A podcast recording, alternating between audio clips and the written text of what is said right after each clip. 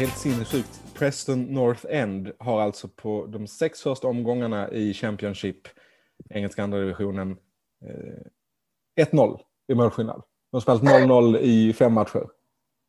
Det är så långt ifrån den här podden som eh, man kan komma. Ja, det hade inte hänt i Eredivisie. Nej, precis. För det här är Eredivisie-podden. Här pratar vi om fotboll och där är det öppna spel åt alla håll och målfest hela tiden. Det är därför vi tycker så mycket om den fotbollen.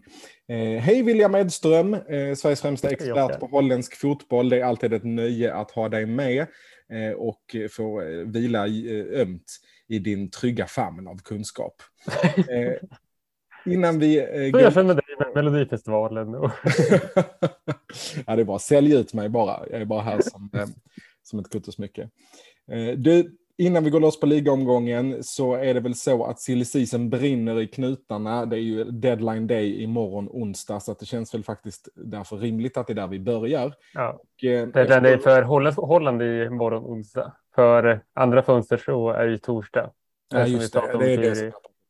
Som eh, förbundet gjorde lite bort sig med. Ja. Eh, och det innebär ju till exempel då att vi äntligen kan avsluta den segdragna Anthony-affären här. Den är i mål. Mm. Eh, Anthony är klar för Manchester United för en prislapp på ungefär en miljard. Eh, jag vidhåller det som jag sa förra veckan. Det är en otroligt korkad satsning av Manchester United rent ekonomiskt sett till vad de redan har för spelarmaterial. Men Anthony är nog nöjd.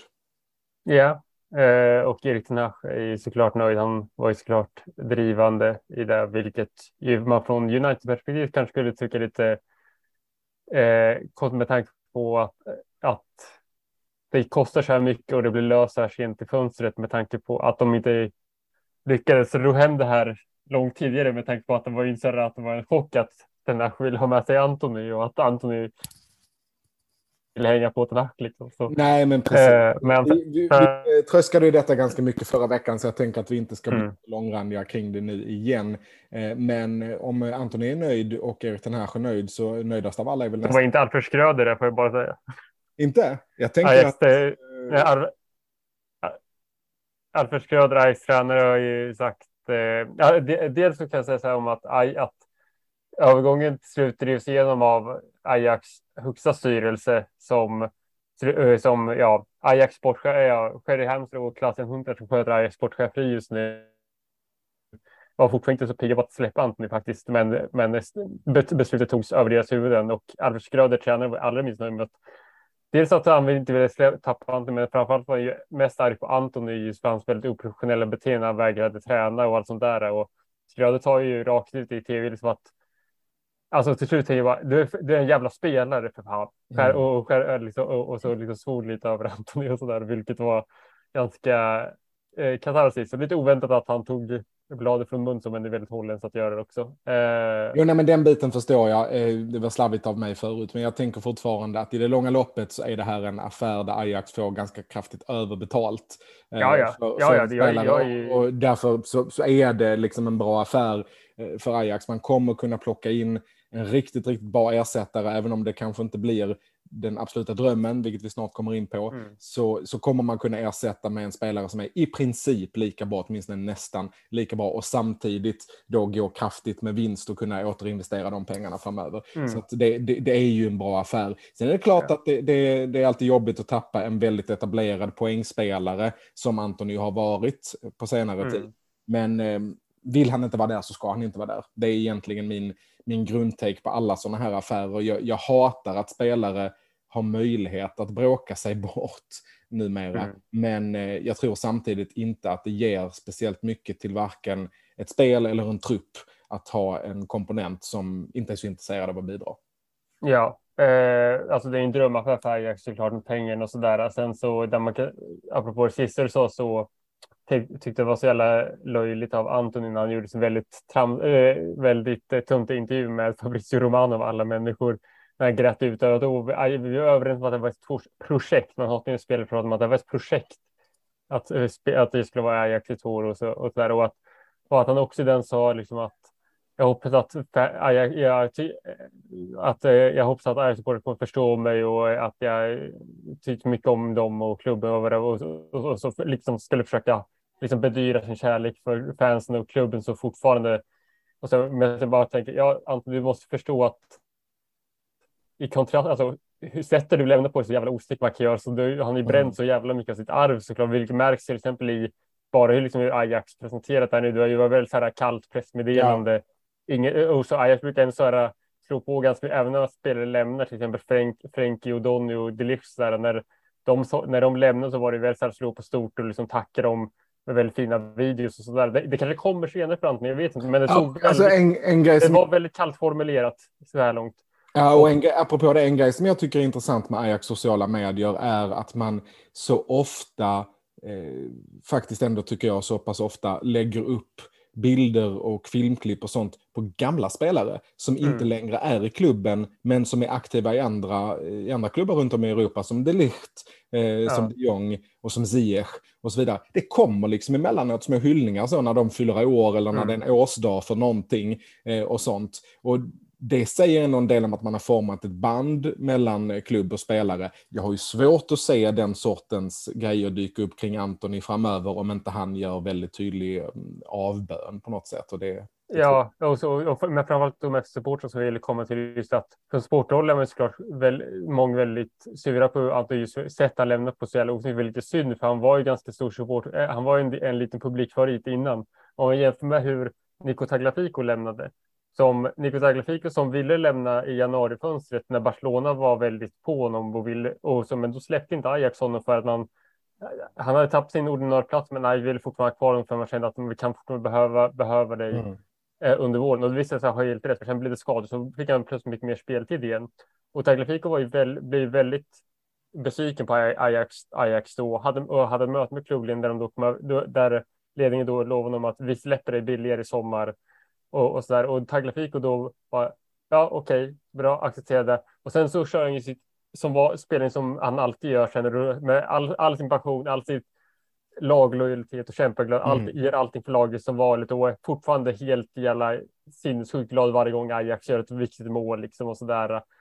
Och, och sen så lämnar han nu, sen så lämnar han nu i sommar för Lyon mycket och, och så där. Och han är fortfarande såklart en enorm publikfavorit i Amsterdam för att han liksom mm han, han, hade kunnat, han hade kunnat bli strejkat och blivit ännu surare än Anton egentligen. För det, en, att de höll honom längre så att säga. Ja, precis. Och sådär. Men han bara la allt åt sidan och, och avslutade skitsnyggt. Och Anton gör mig till en liten, liten kulturell jämförelse här. Jag undrar ändå om inte det kan finnas lite olika inställning från argentinare och brasilianare när det kommer till sådana här saker.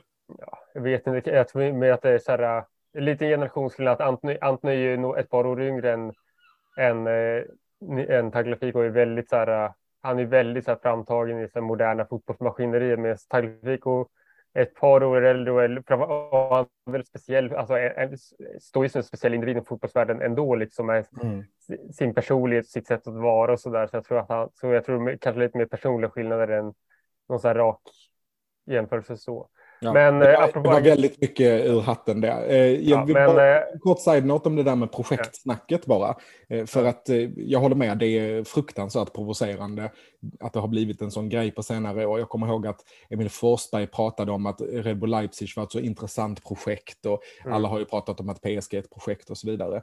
Igår mm. så lyssnade jag på en intervju med Henrik Rydström som ju är ett av de mer hypade tränarna, eller det absolut mest hypade tränarnamnet i Sverige. Och han pratade om eh, vad Kalmar FF hade gjort på sistone. Han återkom flera gånger till ett ord istället för projektet som var den här gruppen.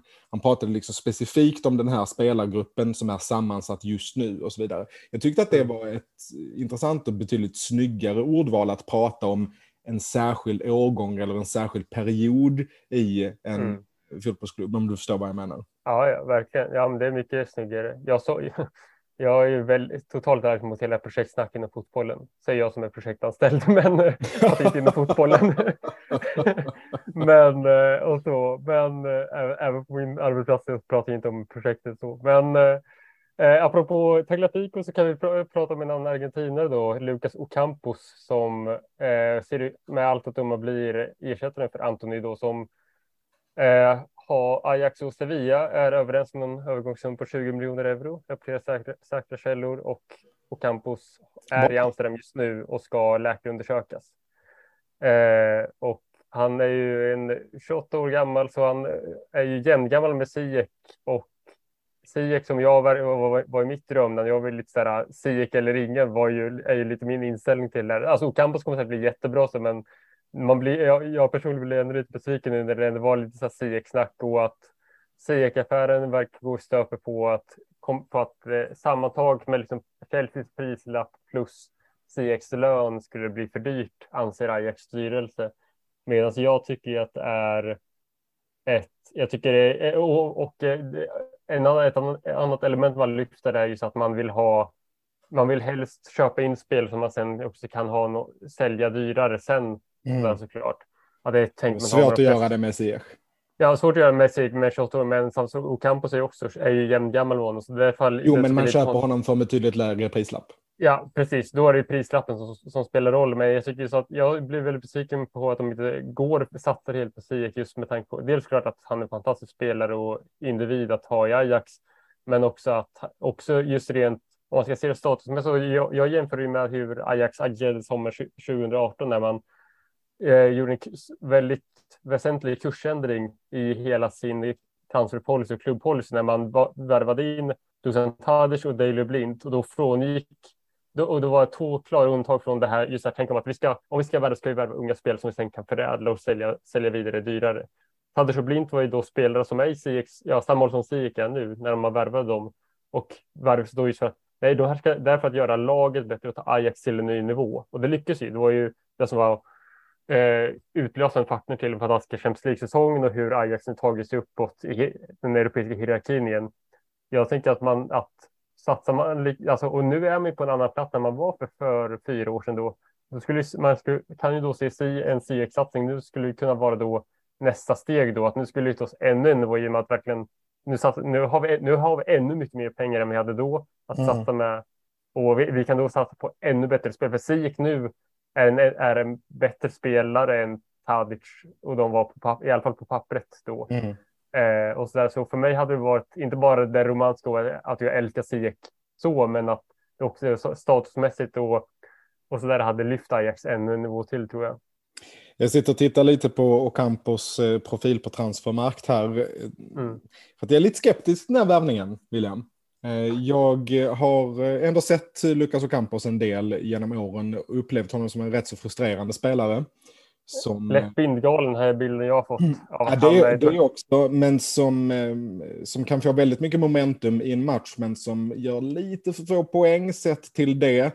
Och som eh, också väldigt mycket kan fastna i mönstret att jag ska göra allting själv. Mm. Ehm, jag tittar här bara på, förra säsongen så gjorde han alltså eh, sex mål och fyra assist på 30 matcher i La Liga. Det är en okej okay siffra, men den borde vara bättre. Eh, över 100 matcher i eh, Sevilla så har han gjort 25 mål. Det tycker jag är ganska lite. Um, mm. Ziyech till ja, exempel. Ziyech gjorde 40, 40, mål på 112 matcher eller något sånt i Ajax eh, i jämförelse. Eh, såg jag. Mm. Ja, fast, ja.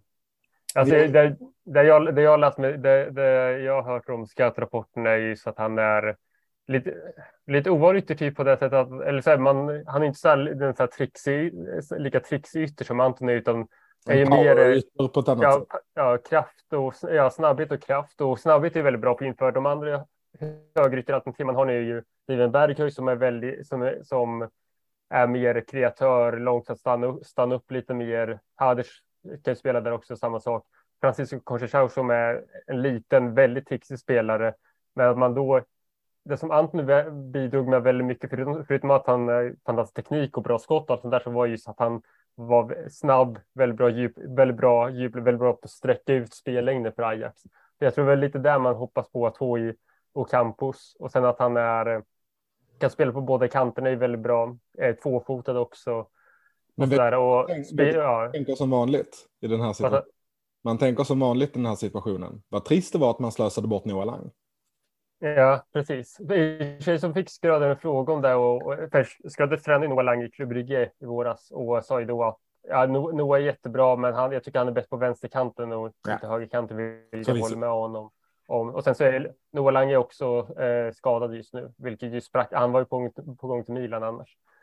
Eh, men ja, så, alltså, så ja, och Campo som spelare, tror jag, det är ändå lite, lite spännande just med att han är lite, lite ovanlig spelartyp för Ice, så det skulle bli spännande att se. Men samtidigt kan jag inte hjälpa att vara lite besviken när jag var, hade mina CX-förhoppningar. Han är ju en av mina absoluta favoritspelare någonsin.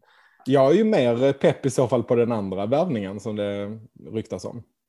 Eh, vilken av dem? Vi har två till som vi kan nämna lite. Dels att eh, man är på väg att norp, eh, norpa in Florian Grilic på fri transfer eh, från Bundesliga, österrikisk landslagsmittfältare som har varit tillgänglig på fri, fri transfer och riktat sig en massa olika klubbar, bland annat Feyenoord var väldigt sugna på honom, men Feyenoord får nu gå efter lite andra alternativ som vi kan ta senare för att det verkar som att Ajax är huvudnamnet för Grilic nu, så han, han är ju då fritransfer, billig värvning och framförallt breddvärvning och kommer vara reserv till Alvarez då. Mm. Den andra är ju... Jag är förtjust i Grilic. Jag tycker att han är en, en väldigt, väldigt fin eh, defensiv mittfältare. Eh, tempostark, eh, mm. klarar av hög intensitet, duktig med bollen. Eh, jag tror generellt att det är en bra grej att hämta defensiva mittfältare ja. ifrån Bundesliga. Ja, det har ju varit en lucka Ajax haft också, att man bara haft Alvarez som en bra, riktig defensiv mittfältare där snittet egentligen. Och så. Florian, ett av mina bästa namn för övrigt. Ja, precis. Tänker man på kraftverk och annat härligt. Ja. Apropå bra namn så har vi också en målvakt på väg in, Odysseas Vlachodimos. Ja, nu är det lite dålig täckning här på, på Zoom. Jag ska se ifall det hjälper om jag flyttar på datorn lite grann. Eh, men eh, Vlachodimos tror jag att vi pratade om lite redan förra veckan. Ja, precis. Kanske som hastigast, men nu är, verkar det vara ganska seriöst med det att, att man vill ha in en ny målvakt av Vlachodimos är huvudnamnet då, som Ajax. Han var väldigt bra när Ajax mött Benfica i Champions League, men det är lite frågetecken hur bra han är med fötterna. Han är mycket mer en linjemålvakt, vilket inte riktigt rimmar med Ajax-filosofin. Ja, precis. Ja. Vi får väl säga där, man har släppt John Kleiber eh. också tillbaka hem till Utrecht. Eh, det var väl ingen mm. större överraskning. Det blev ju aldrig riktigt bra med den där värvningen. Nej, han var, han var ju bara tänkt som backup och sen så blev han liksom totalt överflödig som backup också. Eh, och men, gjorde ju nästan bort sig när han väl spelade också. Ja, eh, och annars så håller man ju hårt i Edson Alvarez och Mohamed Kudus har ju båda seriöst Premier League-intresse. Newcastle ska buda typ 40 miljoner euro på Alvarez, men Ajax sagt blankt nej. Och man har också haft ett samtal med Alvarez jag har sagt till honom att han är till salu i sommar och, man vill, och, och, så, och Alvarez ska ha accepterat detta, det här och eh, vill stanna också och vill inte lämna.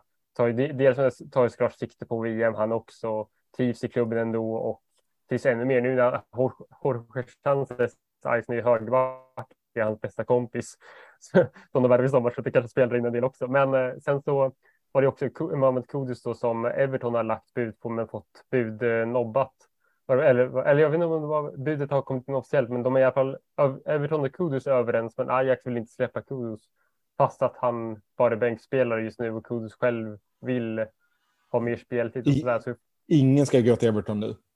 Nej, Eh, precis, och jag hoppas ju att Kudus kan få lite mer chansen nu framöver. För jag tycker han har han gjort det bra när han får spela lite inled. Så jag tycker han borde få starta nu. Känns ju fortfarande inte som att det har lossnat riktigt så mycket som man hade tänkt att det skulle göra. Man väntar på ja. den här sista vågen. Ja, skad, skadorna förstör ju verkligen för. Han, han, inledde, han inledde briljant i IS Kudus. Sen så åkte han på den här tuffa knäskadan mot Liverpool och var ju borta jättelänge. Och efter det har han inte riktigt varit samma grej. Men ändå sett ganska lovande ut nu i början fast han inte får så mycket speltid, vilket jag hoppas ska ändras. Mm. Men vi kan ju släppa Ajax.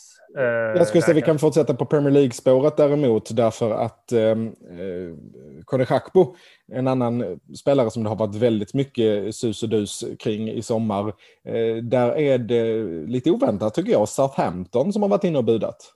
Ja, precis. Har lagt ett bud på 40 miljoner euro som PSV har nobbat Eh, sägs att PSV vill ha minst 50 för Gakpo som ju är var lite snack om, eh, om Manchester United. Där, och han håller, själv så håller han sig ganska eh, diplomatisk just nu till skillnad från Antoni. Men eh, alltså, han har alltid varit superlagspelare och, väl, och älskar PSV så han sköter ju detta snyggt. Eh, eh, Cody tycker jag. Men eh, han, eh, det är uppenbart att läget förändrades lite efter att PSV för, åkte ur Champions League-kvalet så jag tror ju att ifall PSV accepterar ett bud från en större klubb så tror jag att han drar. Eh, jag tror han, han låter så, så kan det vara, men är den klubben Southampton verkligen? Ska han Nej, gå precis. Det är nog i Premier League? Då spelar han väl hellre i Europa League? Ja, precis. Och sen också med, som, återigen med VM i åtanke. Så, men jag tror samtidigt ifall United skulle komma, till exempel, eftersom de verkar, man kan verkar kunna ta vad man vill ur Uniteds plånbok, så ifall de skulle komma med ett jättebud till honom så tror jag att han skulle få svårt att säga nej till det. Liksom. Det finns ju en gammal fotbollssanning också om att eh, eh, du behöver visa upp dig för ett lag från den ligan du vill gå till. Eh, mm. Lex senast till exempel när eh, Jens Peter Hauge gjorde succé eh, mot eh, mot Milan för Bode Glimt. Ja, just, ja. Och de bara köpte honom direkt. Det känns som en riktigt, riktigt gammaldags värvning. Det är som en liten Buster-grej. Liksom. Ja, men precis. Men det är ju ganska ofta så de engelska klubbarna ja. jobbar fortfarande. Va? Och då kan jag tänka att om Cody Schakpo då gör jävligt bra ifrån sig mot Arsenal i Europa League så kanske Arsenal, som ju är på uppgång väldigt mycket. Ja, Arsenal, ja, precis. Arsenal har ju scoutat honom innan så det var lite ska faktiskt vara ganska bra värvning för båda parter tror jag. Jag tänker det eh, också. Jag, tänker att, jag tycker att vi bestämmer det. Ja, jag undrar förresten på det just där, där om eh, Ajax scoutade Vlachodimos på samma sätt. Just, fan, han stängde igen så jävla mycket mot oss i Champions vi tar honom. Ja, Sean eh, ett annat exempel förresten på det där. Ja, just det. Eh, men PSV har däremot Anwar El Ghazi snart klar, det var vi inne på förra veckan och det kommer bli ett fint, fint tillskott, men man har släppt Jesper Karlsson-spåret va? Ja, precis. Jesper Karlsson är för, eh, ja, Avsätta kräver över 20 miljoner euro för Jesper Karlsson det tycker PSV är för dyrt så man verkar gå vidare till andra alternativ då. Eh, förutom, ja. eh, förutom El Ghazi så, så verkar Calvin Stängs också vara på väg in för mm. AZ yttern som ju spelar i Nice nu och inte går jättebra där. Eh, vilket. Nej, Nice gick ju åt um eh, helvete där häromåret höll jag på att säga. Ja. Nej, förlåt, nu blandar jag ihop dem med... Um, med Liv, förlåt. Eh, så, men... men eh, nej, ja. precis. De tog tillbaka honom ju, han den gamle sparschweizaren som var i eh, mm. Dortmund förut. Vad hette han? Eh, Favre. Favre. Eh, precis. Eh, men ja, så spännande med precis hur de tänk, precis tänker där med ytteralternativen. För samtidigt kan vi tänka, alltså, lite synd om så här ungdomar, Ismail Saibari och, och Johan Bakayoko så som lite kommer i kläm känner jag med tanke på att med Maduik är långtidsskadad och Gap eventuellt på, på väg bort och att de då går för att äh, vi måste värva in två nya yttrar. Och så jag tänker att, ändå att de hade, hade ändå lite fina lovande namn där som kunde släppas fram. På ett sätt samtidigt så kan jag, jag, jag håller med och det är klart det, det finns i det holländska DNA och så vidare. Men jag kan samtidigt gilla att PSV bröstar upp sig lite grann och mm. också börjar och, och locka till sig liksom på pappret större namn, affischnamn, för att mm. tävla med Ajax på ett annat sätt. Jag tycker ändå de håller på att bygga en ganska så saftig anfallsbesättning där. Eh, mm. Jag har tagit in Justil sen tidigare. Eh, Luke de Jong kom hem nu i sommar, El Ghazi på väg in, eh, Schakpo än så länge kvar. Eh, mm. Stängs då aktuell. Eh, det, det vattnas lite i munnen tycker jag. Ja, eh, vi har ju också, om vi ska gå över till AZ och från, på, apropå Jesper Karlssons spår, så har vi ju en ny svensk på väg in där. Som, det var väl Afton, om det var Aftonbladet eller Expressen som var först med det, men Expressen. Eh, eh, Expressen då. Eh, Yasin Ayari från AIK eh, ska väl nära AZ. Mm. Jag vet att det var Expressen jag... bara, bara för att eh, Daniel Kristoffersson i en podd som jag lyssnade på precis innan vi började spela in sa att han hade inte fått det bekräftat. Eh, så att, ah. eh, därför råkar jag veta det. Men, Men jag bollar över till vår allsvenskan expert Oskar Sundell. Vad säger du om Yasin Ayari? Ja, till att börja med säga att AIK har en väldigt fin ekonomisk vecka, verkar det som. De är på väg att sälja den här spelaren som kallar för trippel A, jag orkar inte komma ihåg alla hans namn, för 50 miljoner till Troyes. Eh, och då Ajari för en typ 30 millar eller något sånt tror jag det har snackats om till eh, AZ. Mm. Eh, det, yeah. låter, det låter dyrt eh, mm. tycker jag. Särskilt med tanke på vad man betalade för Jesper Karlsson som var en färdig allsvensk spelare. Kanske inte en stjärna, men på gränsen till i alla fall ja. när han lämnade serien. Ajari är ju fortfarande inte helt ordinarie. Eh, ja, precis. Jag skulle undra om Ja, samtidigt så kostar ju sig Paul Abraham 30 eh, miljoner för Schroningen. Ja, men det var ju också ett riktigt korkat köp. Ja, jävlar i mig. Eh, men, men där ja. så var det ju samma med Michael Lardo. Eh, Inte ekonomiskt, jag har inte koll på summorna där, men eh, han hade ju inte heller hunnit visa så hemskt mycket i allsvenskan, utan Ja. även där köpte man ju på potential. Ajari Ja. är ju i mitt tycke en mer färdig spelare än vad Lardo är, till exempel. Mm. Så att jag tycker inte att det är en dålig värvning, men jag tycker att det låter dyrt, det som det pratas om. Eh, Mm. Att han går till Holland, fine. Liksom. Det, Mm. där ska han väl vara. AZ, kanske en större klubb än vad jag trodde att han skulle gå till. Mm.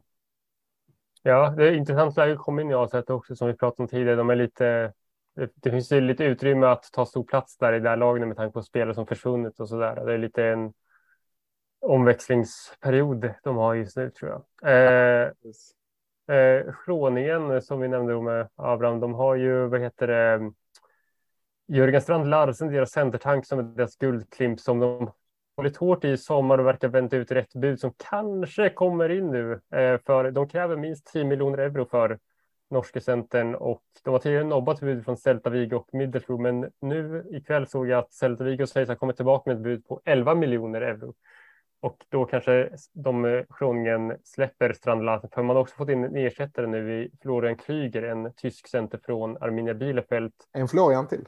Ja, mycket gångbart namn. Eh, så och Strand Larsen vill såklart lämna, har varit, ganska, har varit lite, gnistrat lite mellan honom och just apropå Ja. att de, Ja, men han är ju, fär, han är ju färdig där. Men eh, däremot så tycker jag att det låter konstigt att han, eller så här, han går väl dit där pengarna och vädret är bra. Men jag tycker att det är en spelartyp som inte riktigt uh, gör sig i La Liga. Jag tycker att det, det stinker ju Premier League om honom.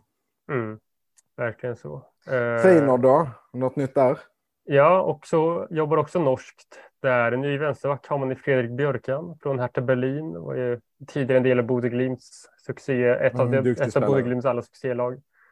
Eh, väldigt duktig som Feyenoord, varit på Feyenoords radar ett tag och nu fick man in honom eh, för, eh, för en ganska billig peng. Ja, och sen så har vi svensk på väg in där också. Man vill ju låna Kristoffer Olsson från Anderlecht. Kanske då efter att, Gri- efter att man ser ut att gå miste om Grilic som går, verkar gå till Ajax istället. Och, eh, Kristoffer Olsson, ja. Alltså ett, ett, Apropå eh, frustrerande spelare. Ja, apro- alltså jag blir lite full skratt. Eller, alltså, det låter elakt när man säger så, men att det var ja, ett, av, ett av de största Feyenoord supporterkonton som jag följer som är så här, ja, en så här, vettig, rimlig Feyenoord-supporter som, som har väldigt bra koll på laget och twittrar ganska eh, sensibelt om det mesta.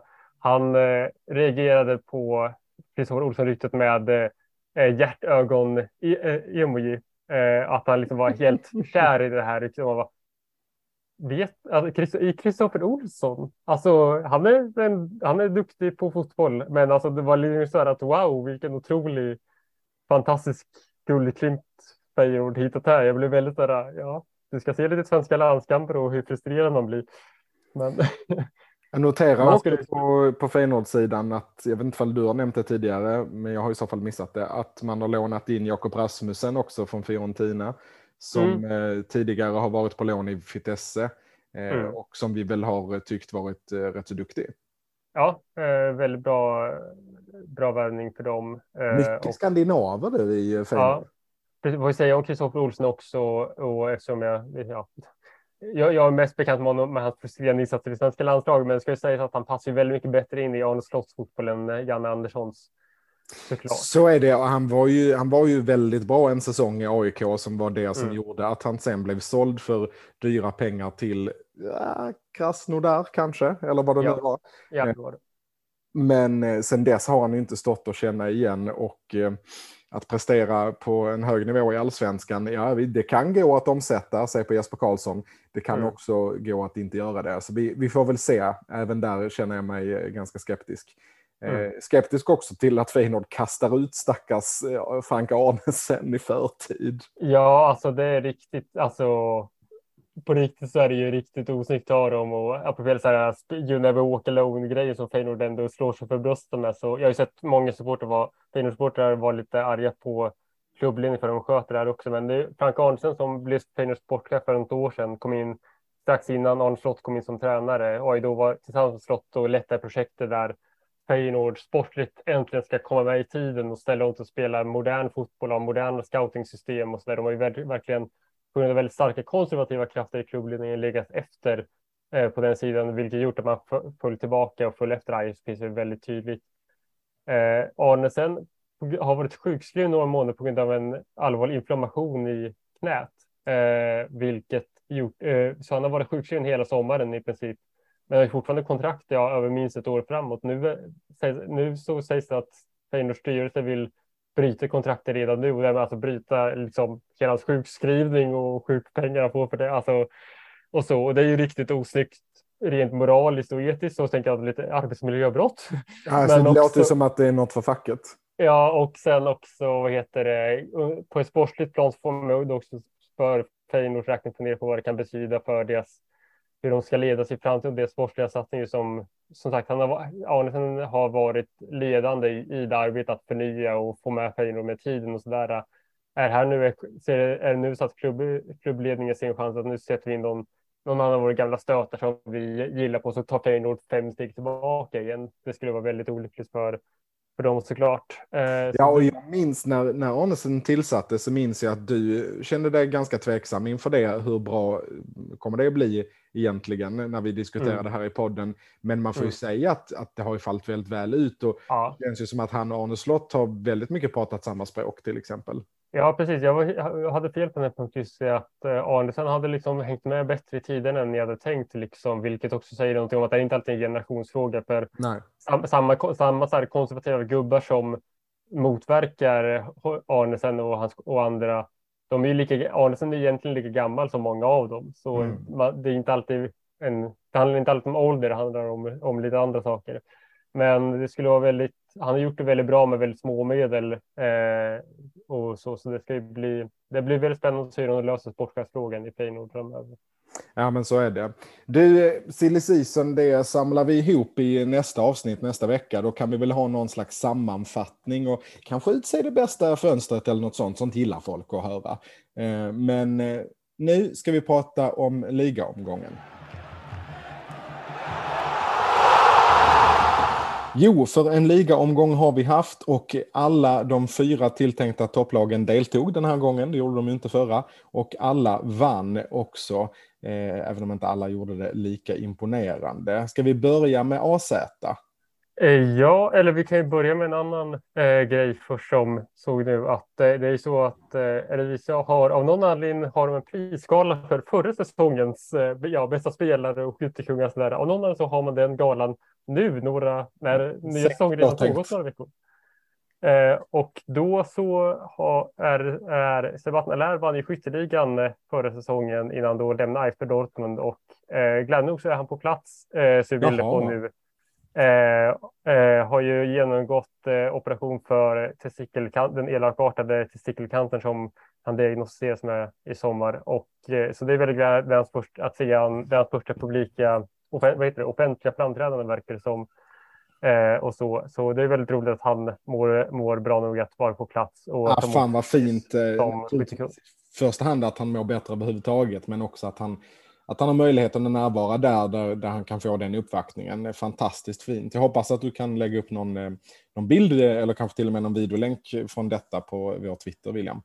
Ja, eh, det ska jag. Men tillbaka till ligaomgången och som sagt vi börjar i Kambur faktiskt där AZ till slut vann med 1-0. Det krävdes att Kambur fick ett rött kort och eh, att vi tickade ända in på stopptid innan Jordi Klassi av alla människor ja. gjorde matchen efter en riktig målvaktstavla av Jean Virginia.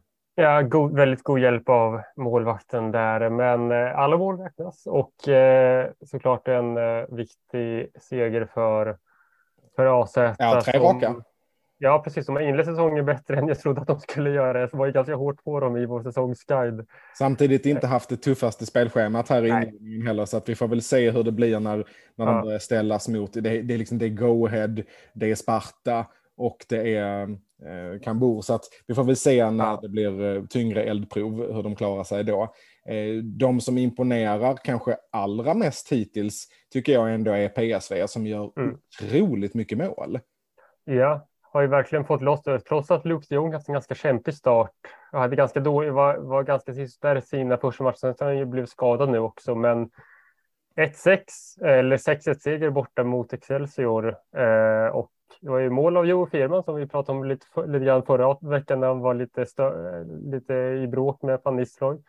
eh, som inledde målskytt. Sen var det ju två mål var av Ibrahim Sangari och Xavi Simons och sen ett av Gakpo också. Som Xavi Simons kanske vi ska stanna lite kort vid just att han, som vi pratade om, den eviga supertalangen som var väldigt mm. hypad på Instagram sen han var en knatte liksom. Så, men han har ju verkligen visat att fan, det är inte bara hype utan han är ju väldigt, har ju verkligen inlett suveränt i PSV och gjort flera mål, flera matcher nu och har ju kommit in från bänken i nästan alla, eh, men har ju verkligen verkligen visat sig vara väldigt användbar som en supersub så här långt. Ja, och de sprider verkligen ut målskyttet här och det, det kommer de ju ha glädje av i längden. Jag såg mm. att eh, Opta Johan, detta utmärkta Twitterkonto, eh, levererade informationen att det här är alltså bara andra gången i eh, PSVs klubbhistoria som man gör eh, fyra eller fler mål i de tre första matcherna en ligasäsong. Oj, eh, ja. Och första gången sedan 94-95. Det är mm. ändå siffror som säger att någonting rätt gör han ju, Rod van Nistelrooy. Ja, precis. Uh, och uh, så jag vill, de har ju lite, de har ju gått rent så här om de har en hängmatch också, precis som AZ. Det var ju PSV, AZ och Twente som hade sina kvalspel. De fick ju sina matcher i förra, omgången framflyttat som ska spelas nu i veckan. Eh, så då får vi se ifall de ifall PC fortsätter gå rent även efter det. Det är bara Ajax som har fyra segrar och fyra möjliga så här långt. Eh, Precis, Feyenoord har ju tre segrar, ett kryss. Det blev ju 0-0 där mot Heerenveen, men annars så har de ju mm. vunnit matcherna som de ska. Det blev 4-0 mot Emmen och det ska det ju bli också. Mm. Alla målen för övrigt av nyförvärv där. Eh, Quentin ja. Timber, Jiménez, eh, Rasmussen som vi pratade om och Szymanski. Ja, precis. Eh, väl, och var lite, siffran sprang iväg. Det var ju faktiskt 0-0 i halvtid. Sen så sprang det iväg. Tre sista målen kom ju från minut 85 och framåt. Så det var lite att det rann, i, rann iväg i slutet. Mm. Men såklart välförtjänt seger. Och eh, kanske framförallt viktigt att för dem att Santi Jiménez nu i centern fick eh, eh, börja göra mål. Och så att han fick komma igång med det. Liksom att det inte blev någon någon eh, måltorka så som, kan, som det kan bli för centraren. I, ja, det är ju sen gammalt att man kan ju inte stå och falla med Danilo. Nej. är, det no är det någon kull jag dör på den här säsongen så är det fan den kullen. Heerenveen släppte ju förresten in mål, eh, hör och häpna. Ja, just ja. Eh, var, det var en, Burak var straff som till slut blir Heerenveens första insläppta mål. Då kan inte ens Andris Noppert står emot. Ja, ständigt den med Yilmaz alltså. Men eh, ja. förlust för eh, Fortuna Cittad i första matchen under Tsar Yilmaz eh, ledning. Mm. 2-1 blev det till Heerenveen och en assist än en gång av Amin Sarr naturligtvis mm. till Sidney van Hooijdonk. Vilket ja. anfallspar! Ja, vilket radpar. Och, så, och på, ja, på Burk Yilmaz fronten där så vi kan lite spara det till nästa vecka, men jag kan bara kort säga att ja, det fortsätter ju stökas och bråkas lite där i Fortuna om vem som har makten i klubben egentligen och så där. Det, det, det läcks lite grejer just nu som jag tror vi får lite avvakt för att samla ihop för att kunna reda ut vad som är sant och inte här. Men det händer grejer. Ja, men det gör det. Eh, vi drar igenom några resultat till lite snabbt bara. Näckroningen slutade 1-1, inte jättemycket att säga om det. Go Ahead föll hemma mot Sparta med 0-1. Tung seger för Sparta, jobbig förlust för Go Ahead. Vitesse tog sin första poäng när man spelade 2-2 hemma mot RK. Se vilken prestation Ja, tog sig tillbaka i den matchen då, låg under med två mål. Precis, och eh, så tänkte jag faktiskt att vi för en gångs skull skulle avsluta eh, på Ajax. Först bara nämna också att Fålendam tog en eh, meriterande seger med 1-0 mot Twente. Ja. 17-årige, jag vill uttala det namnet? Le Quincy Josefajk, eh, som är lillebror till Dejovice Josefajk, apropå långa namn, som högerback som Ajax som spelar i Hertha Berlin nu. Eh, så det är såklart att en 17-årig inhoppare säkrar Wim Jonks första seger och Fålödans första seger är det på 13 år eller vad det blir. Och eh. eh, jag fortsätter att leverera från Opta Johan här. Det är också Fålendams yngste målgörare i Eredivisie sedan Wim Kras 1961. Och Wim Kras kan jag leverera har rekord för hela ligan som yngsta målskytt och yngsta spelare. Han debuterade när han var 15 år för Fålendam. Coolt. Ja. Eh, eh. Men som sagt, jag tänkte att vi för en gångs skull skulle avsluta på Ajax. Vi brukar annars ofta börja där på grund av somligas sympatier. Men eh, det hände saker i den här matchen som känns lite viktigare att prata om än resultat och mål och sådana saker. För att Ajax vann med 2-0, en stabil match. Eh, Utrecht hade ett otroligt lågt XG så att man får berömma det Ajax och så som... Spelade så jävla fult också, man blev riktigt trött på det efter ett tag, liksom, trött på Danne Makeli som dömde också. Ja, men eh, spe, spelmässigt en, en god insats av Ajax i en mm. inte nödvändigtvis jättelätt bortamatch. Mm. Yeah. Men det, desto värre var ju det som omgärdade planen.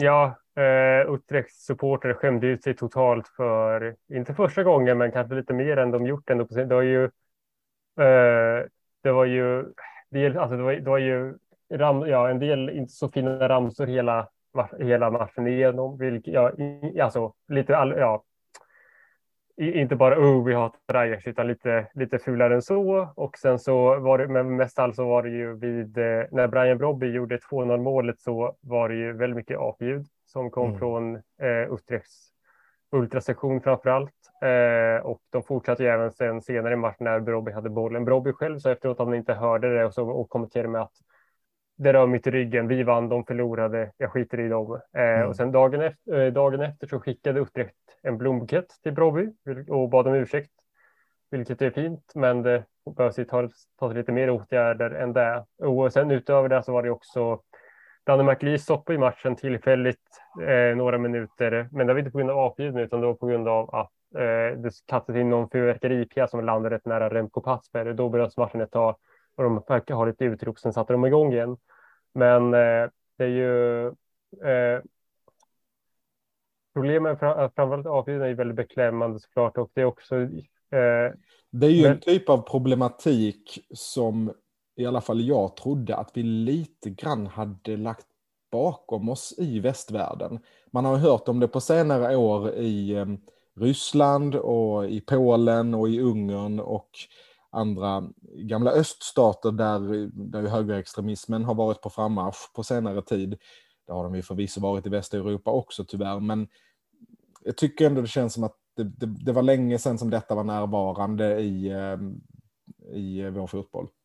Ja, det har inte varit ett utbrett, utbrett problem på holländska läktare någonsin egentligen. Jag kan inte, dra, jag kan inte minnas när jag såg en Eredivisie-match där, där det här förekom. Kanske om det var någon Utrecht-match också kanske, men eh, därför det är ju också, alltså, det är väldigt tråkigt just att Utrecht som har väldigt, ja, fin tradition, ja, klubbrik på många traditioner och starkt stöd i en fin, väldigt fin stad och och så där, men de har ju haft problem alltså på supportsidan som har blivit värre på senare år. Det har ju vi, alltså det vittnar ju andra Utrecht om som säger att liksom, vi är trötta på skiten, liksom att det har blivit så jävla mycket sämre, eh, mycket mer, alltså det, det har bara sagts härifrån. Jag fick in några eh, via omvägar så fick jag till och med några tweets från ja, genuina Utrecht-supportrar som beskrev hur de har liksom blivit trötta på att gå på matcherna för att de upplever att stämningen på kortsidan framför allt har blivit mycket mer